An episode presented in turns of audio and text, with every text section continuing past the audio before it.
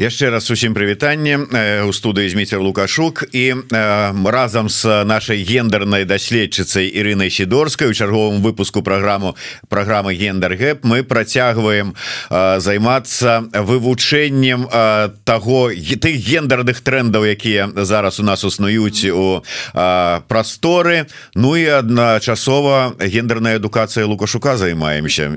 І абмяркоўваем праблемы праз гендерную лінзу таксама так вось усё гэта мы зараз будем рабіць тэмаў для абмеркавання. У нас вельмі шмат але я думаю пачнем можа быть наўпрост і не звязаная тэма з Беларусю але з гендернай тэматыкай. І з Беларусю да прынцыпе таксама так звязана гэта сітуацыя с Алексеем навальным а, а дакладней працяг які вось гэта забойства расійскага палітыка у пуцінскім канцлагеры атрымала. Гэта жонка навальнага якая заявіла про свой намер працягваць справу мужа. Я попрошу зараз адразу спачатку поставить нам коротенькое э, видео и мы протягнем наше обмеркование меня не должно было быть на этом месте я не должна была записывать это видео на моем месте должен быть другой человек но этого человека убил Владимир Путин. Три дня назад Владимир Путин убил моего мужа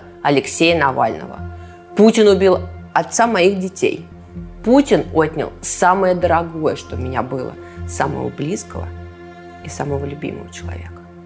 Но еще Путин отнял Навального у вас, где-то в колонии на крайнем севере, за полярным кругом, в вечной зиме Путин убил не просто человека Алексея Навального, он вместе с ним захотел убить наши надежды, нашу свободу, наше будущее.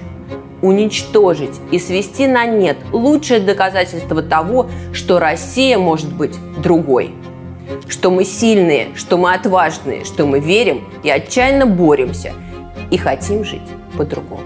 Мы вместе превратим нашу страну в прекрасную Россию будущего.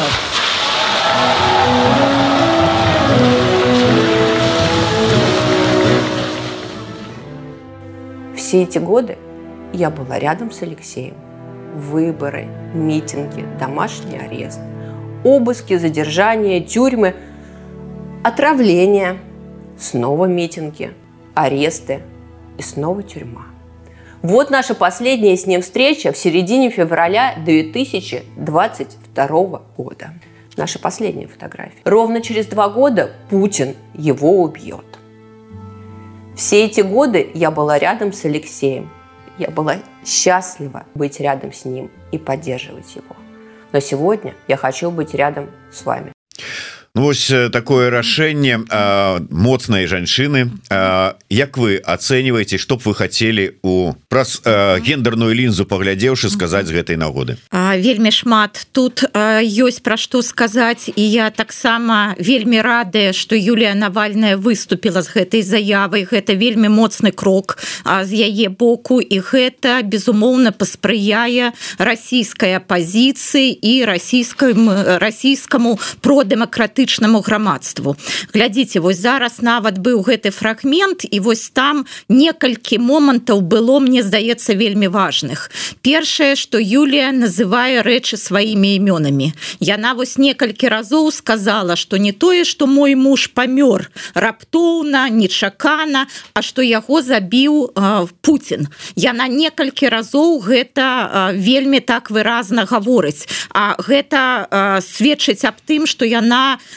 называе рэчы сваімі імёнамі. Гэта вельмі важна.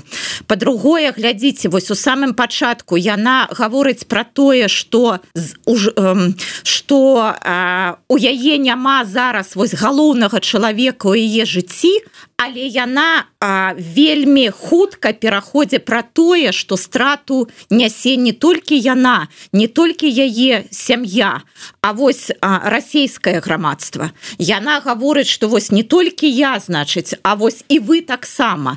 І вось гэта эмпатыя якую а, вось вельмі а, да кожны кожны раз бачна у нашай лідаркі у Светланы ціхановскай. Вось гэтай эмпатыю я зараз заўважыла і менавіта у Юліі навальнай. Гэта вельмі сёння такая запатрабаваная якасць для сучаснага палітыка калі вось палітык і мужчына і жанчына разумее сваю аўдыторыю і вось эмпатычна настроены да сваёй аўдыторыі трэцяе тое что у Юліі навальнай ёсць досвед яна ну на самой справе была не толькі жонкай яна была паплечніцай свайго мужа яна была там яго сяброўкай таварышам партнёркай і яна як бы ну у яе ёсць вось гэты досвед і таму мне здаецца что шансы на тое что яна зможа стаць лідаркай расійскай апозіцыі на пэўным атрезку часу ну гэты шансы вельмі вялікія бо у яе вось два гэтых галоўных две галоўных якасці. Па-першае яна можа аб'яднаць народ ну можа не весь расійскі народ але вось такую прадэмакратычную расійскую супоў супольнасць. Яна такая фігура асоба якая можа аб'яднаць. А по-другое яна натхняе яна матывуе. Бо вось ну як мы бачым там па медыя па інтэрнэце ну пра дэмакратычная расійская грамадскасць яна ж была вельмі разгублена у сувязі са смерцю Алексея навальнага. І у гэта зразумела навальны для іх галоўная фігура апозіцыйная і таму вось тое что зараз робіць Юлія навальная гэта якраз натхняе расійскую грамадскасць.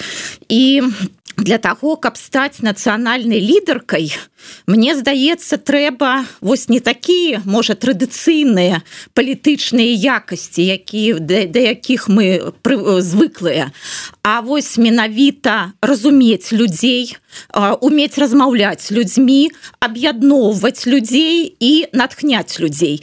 А яшчэ канешне у Юлі навальнай ёсць ну вось такі высокі высокі маральны аўтарытэт на яе там няма нейкага кампрамату.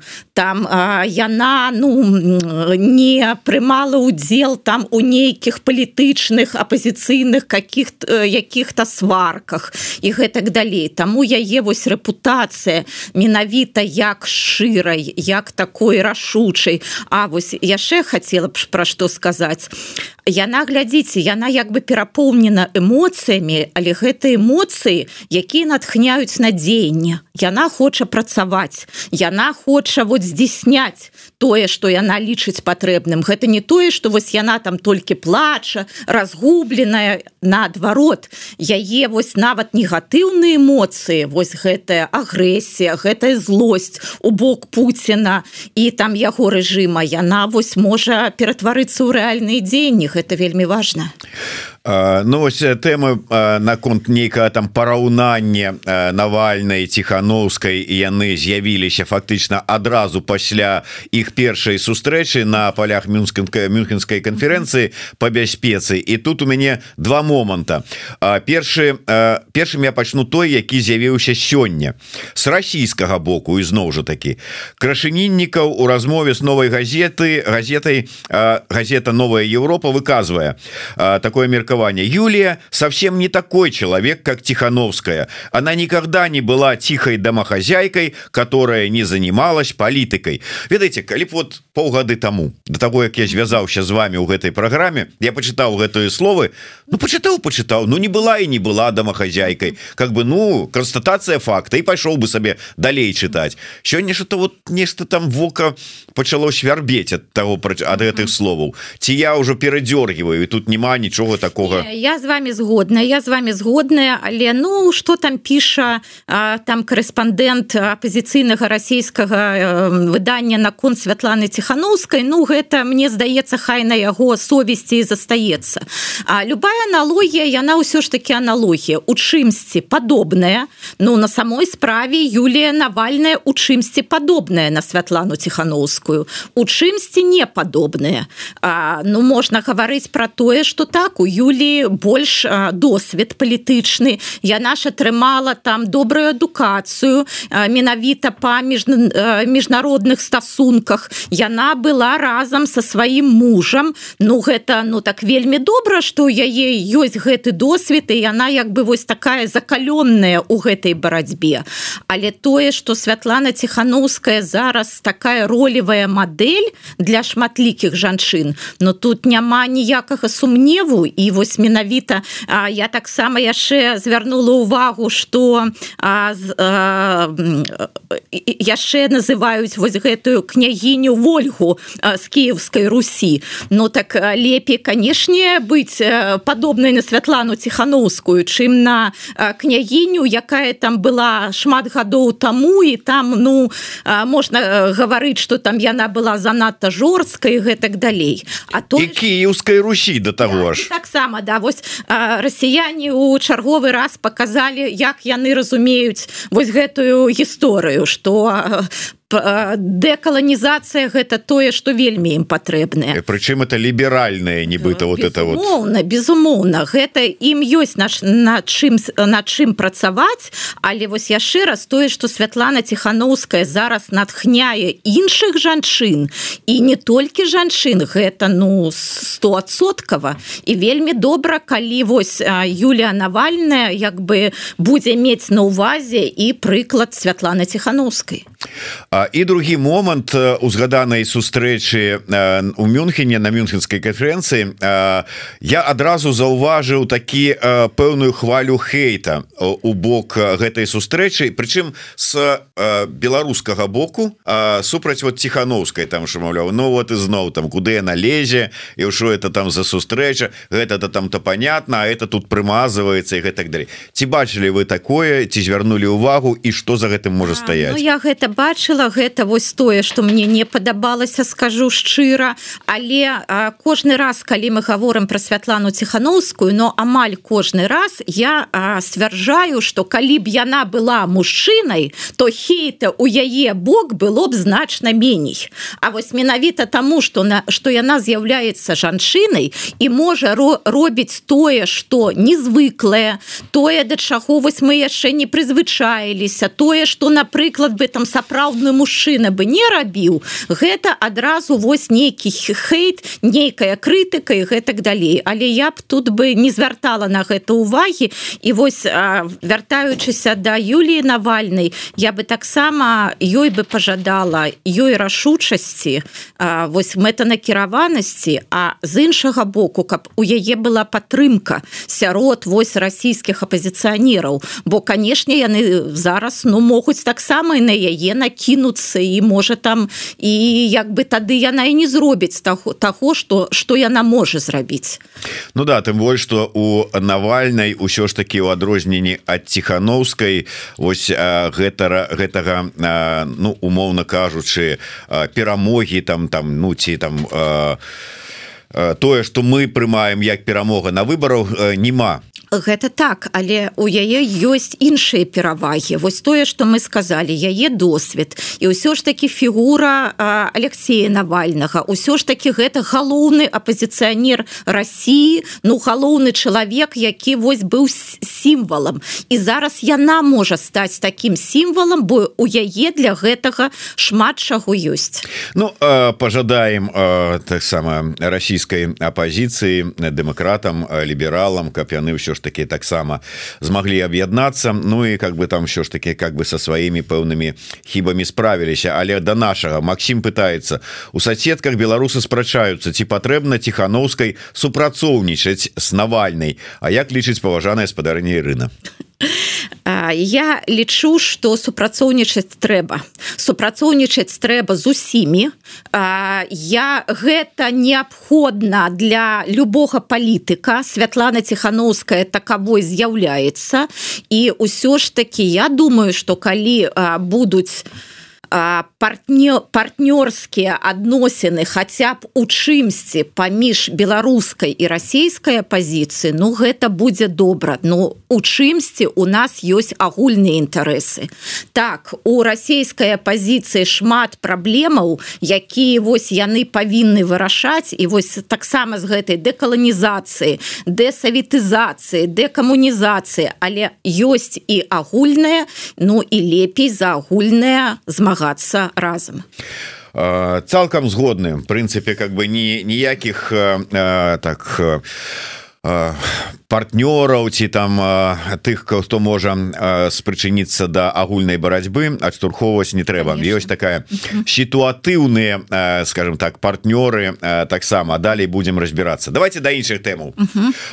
Сабралі днямі рэктараў беларускіх ВНУ на стрэльбішчы. Ну нормальная справа. Ну как бы там каб умелі страляць каб падчас там палявання калі пойдуць там не стрэлілі адзін аднаму ў нагу ўсё ж таки стралялі куды трэба. Але у спадарыні Ірыны і тут оказаліся свае прэтэнзіі Я попрошу поставить фото для так бы мовіць ілюстрацыі каб потым спадарыні рына патлумачыла нам что ж там усё ж такі калі ласка Ну я не згаджуся с вами что гэта нормально для рэктараў гэта ну гэта такое не тое что першы раз. Гэта нават уявіць сябе Ну вось раней было немагчыма. Каб медавіта вось рэктары пераапрануліся ў гэты камуфляж. І вось значит значыць паехалі і там удзельнічалі ў тым у чым ім патрэбна было удзельнічаць но глядзіце я тут скажу не толькі як можа гендерная экспертка я скажу як чалавек які там усё жыццё працаваў у вышэйшай навучальнай установе. І я не памятаю каб калісьці такое было. Нават не на маём жыцці а нават калі б ну гэта было там дзесьці ў гісторыі. Ну часы мяняются вакол вайна. Он паглядзіце что ў свеце робіцца послухайте лукашенко он сёння выступаў глядзіце у нас 50 вышэйшых навуковых устаноў Як вы лічыце колькі из іх узначальваюць мужчыны рэктары Вось там 20 чалавек А колькі вось колькі сярод 50 мужчын Ну калі лагічна так працягваць на стрэльбышчы ўзялі мужчын з 50 20 значит 30 жанчыны. Не не іншыя і іншых чамусьці не ўзялі альбо іншыя ўсё ж таки ну як бы адмазаліся штосьці там прыдумалі. У нас толькі 6 жанчын рэктараў і 44 мужчыны рэктары. І вось для мяне гэтая карцінка якую вось мы бачылі гэта гэта пра ўсё. Гэта пра наше грамадства з пункту гледжання гендернай роўнасці. Бо працуюць ва універсітэтах жанчын болей чым мужчын. Але вось узначальваюць мужчыны. А по-другому другое гэта тое ну чым зараз з'яўляецца наша сістэма вышэйшай адукацыі. Зразумела яна ніколі не была там цалкам свабоднай не была там вось цалкам гэтай акадэмічныя свабоды.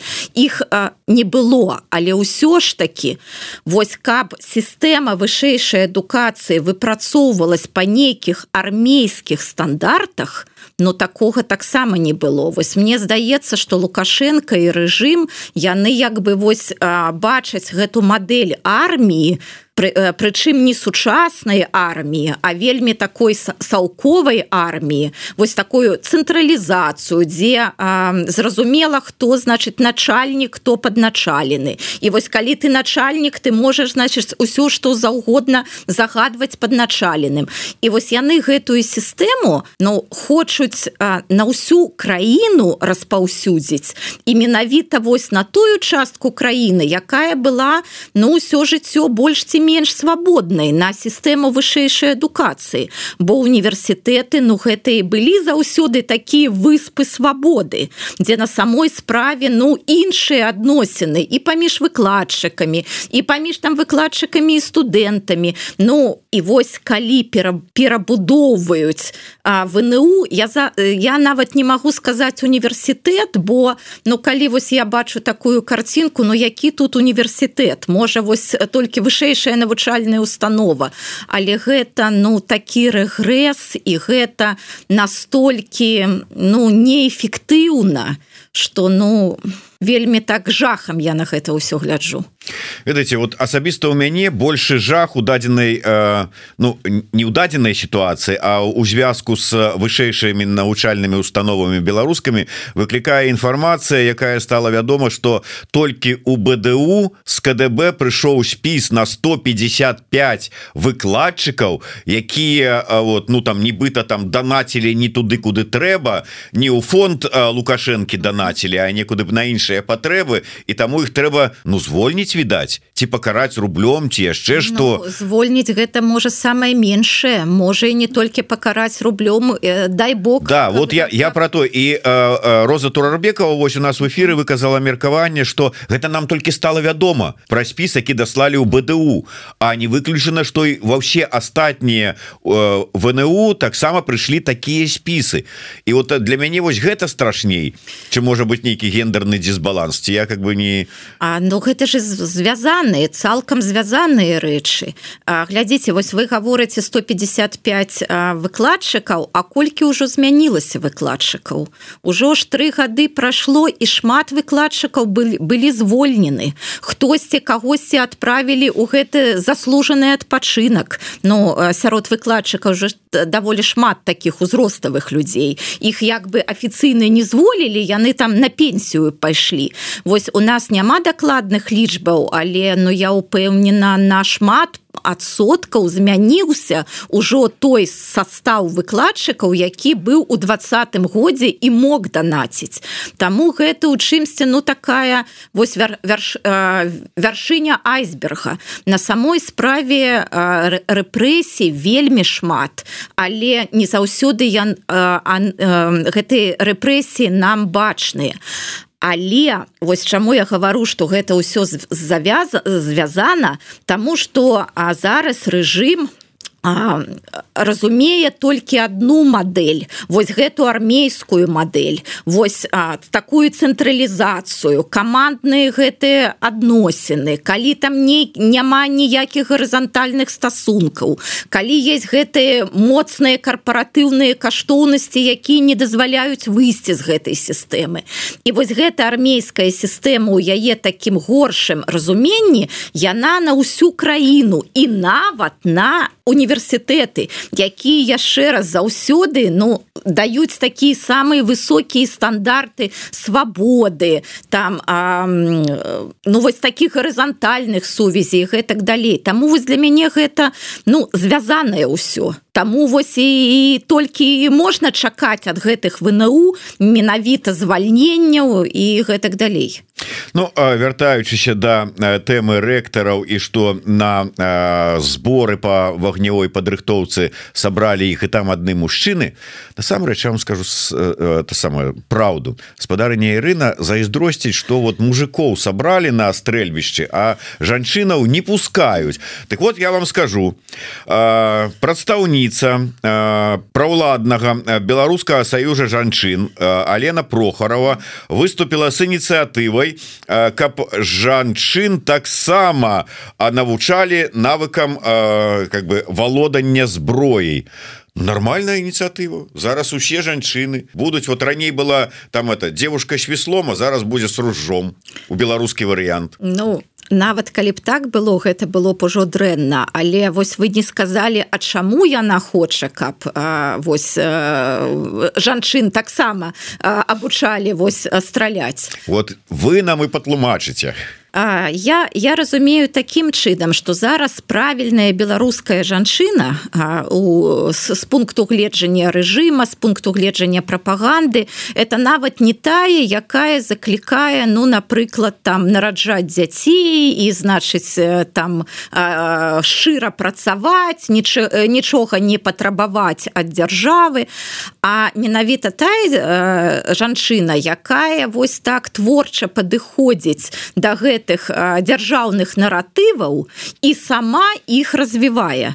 Таму что вось гэтай спадарыні прохаравай у яе нават такая вельмі дзіўная логіка. Яна ж там гаворыць про тое что чым больш жанчын змогуць значыць ну чым больш жанчын умеюць страляць тым больш у свеце будзе міру. Вось я не магу гэтую логіку пасцігнуць вось якім чынам калі больш людзей будуць уметь страляць і будуць мець зброю то у грамадстве будзе больш міру. Но мне здаецца гэта некая такая орулавская логіка. Вось калі чорная гэта белая Таму что ну на самой справе. Ну нараем по логіцы хочаш мира рыхтуйся до войны Ну вось глядзіце Ну гэта таксама вырвана з кантэксту. Вось тое что вы сказали а по-другое гэта было актуальна вось раней калі грамадства было традыцыйнае на самой справе калі вось гэтая сила калі моц фізічная зброі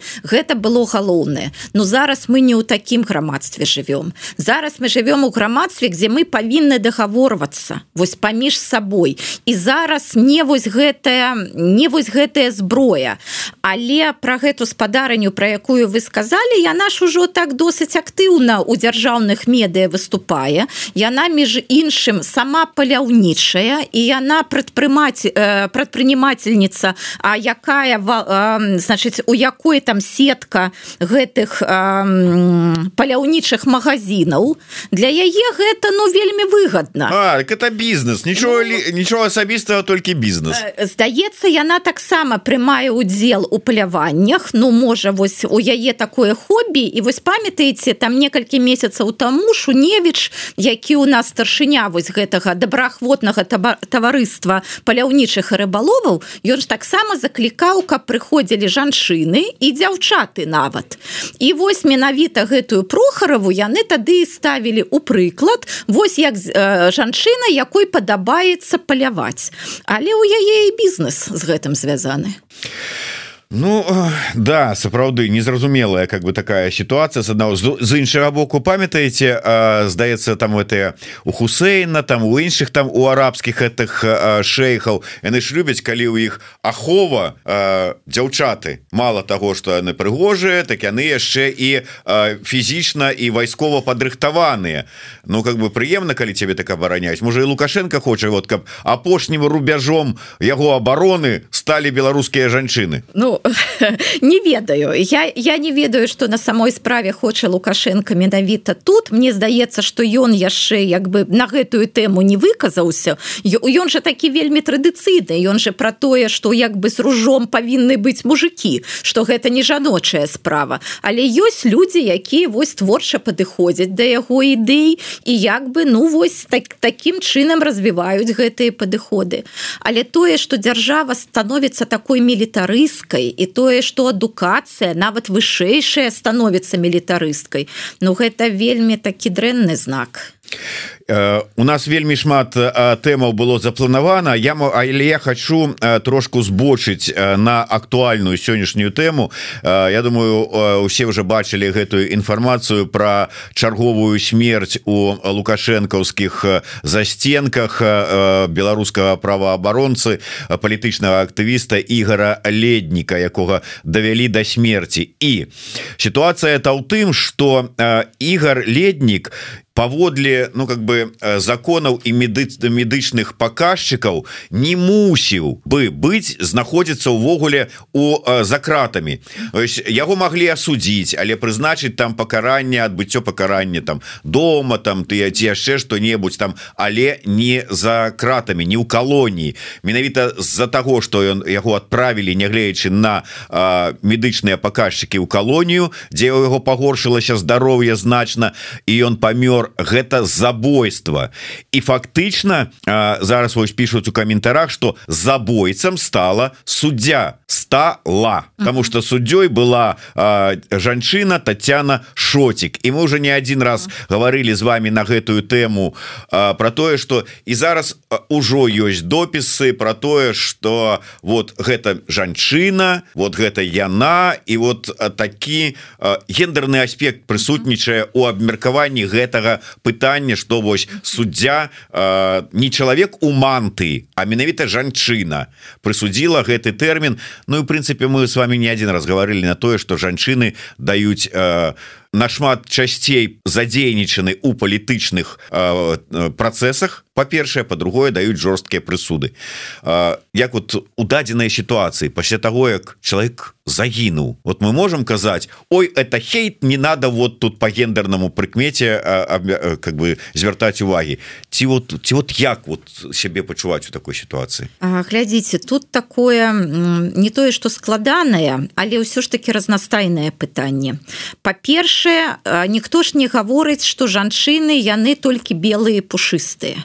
Вось мы не аднойчы про гэта гаворым. Калі мы думаем что штосьці дурное дрэннае могуць рабіць толькі мужчыны а жанчыны яны усе такія прыгожыя добрыя спагадлівыя лагодныя гэтак далей Ну тады мы таксама у стэеатыпах і жанчыны мужчыны яны могуць быць добрымі і дрэннымі яны могуць сумяшчаць у сябе добрыя і дрэнныя Таму калі жанчына вось ну вядзе сябе такі таким чынам ну гэта як бы ну па-чалавечы гэта натуральна. Жанчыны таксама так сябе вядуць гэта першае. По-другое вось вы ж таксама сказали что жанчыны больш уцягнутыя у гэтую рэпрэсіўную сістэму але таму что яны больш залежаць ад гэтай дзяржавы.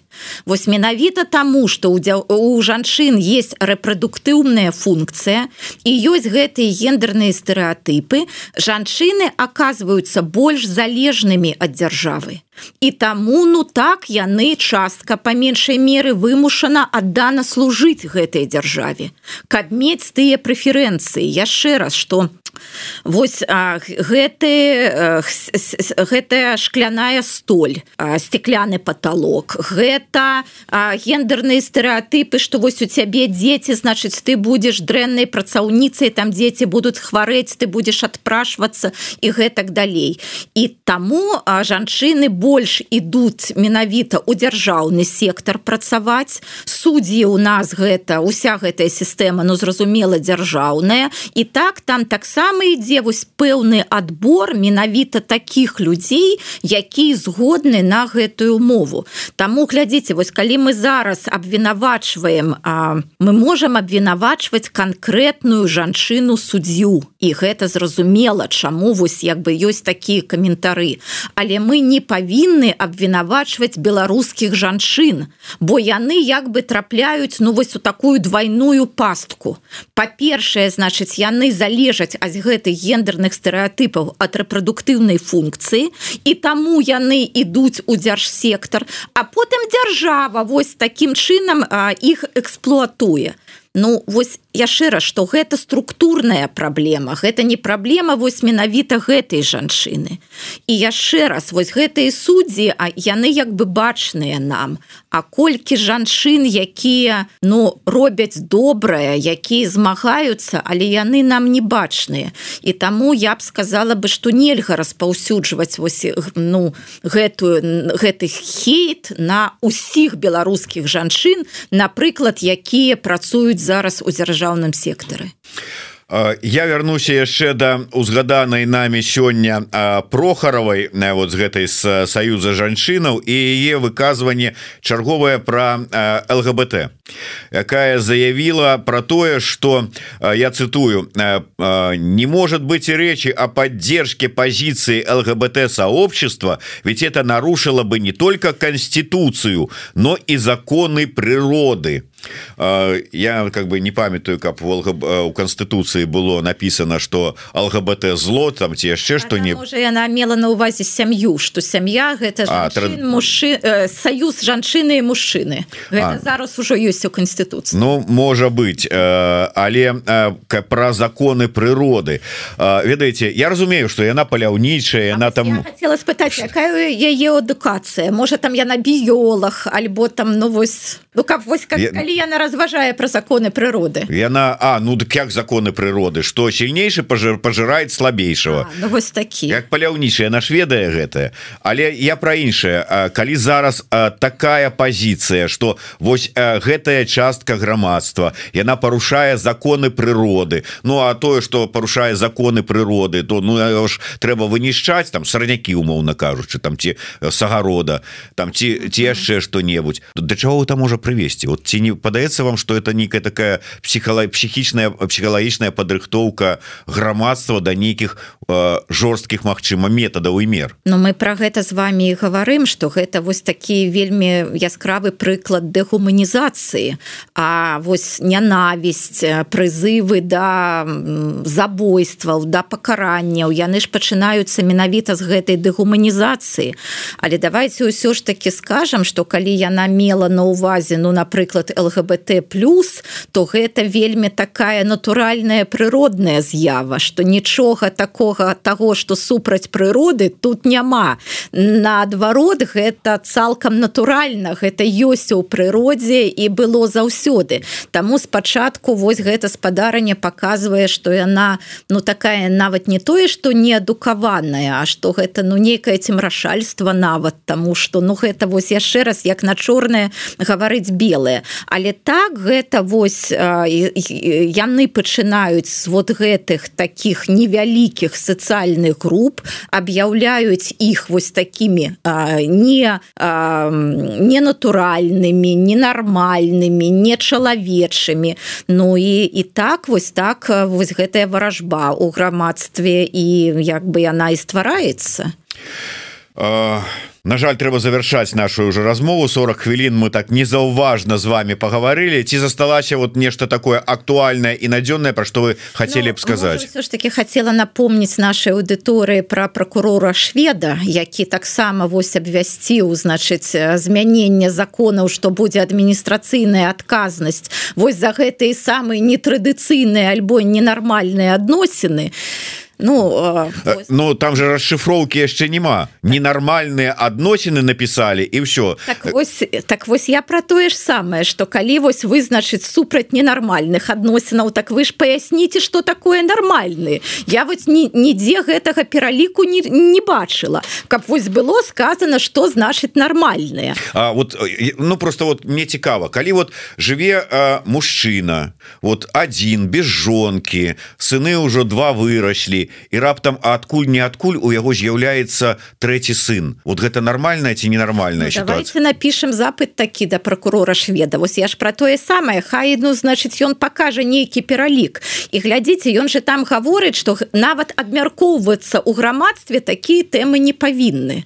Но так гэта ж наадварот. Гэта ж тэма як жывуць людзі. Это тое что павінна абмяркоўвацца что менавіта людзі павінны вырашаць. Вы что як бы что можна лічыць прымальным а что там непрымальным Таму ну гэта давайте вось яшчэ раз яшчэ раз скажам что у данным выпадку прокурор швед працягвае сваю барацьбу з гэтымі ветракамі вось як ён з геноцидам беларускага народа вось зараз ён таксама гэта гэта ну як бы вось у, у, у, тым же самом рэчышч рэчышчы. Замест того каб займацца рэальнымі праблемамі Ну так сапраўды прычым і геноцид у яго как-то вот ведаеце такі абмежаваны нейкімі вот тэрмінамі і датамі. Вось тут геноцид з гэтага числа з гэтага года по гэты год. А вот что было до да гэтага года і пасля яго то мы уже не звяртаем увагі геноцид не геноцид. Так і тут. Вот тут вот ненармальные А вот тут вот рыгорович гэта ўжо нормальные Таму что гэта ўсё інструменты рэпрэсій. Гэта на самой справе не вырашэнне ніякіх праблем гэта гэта інструменты рэпрэсій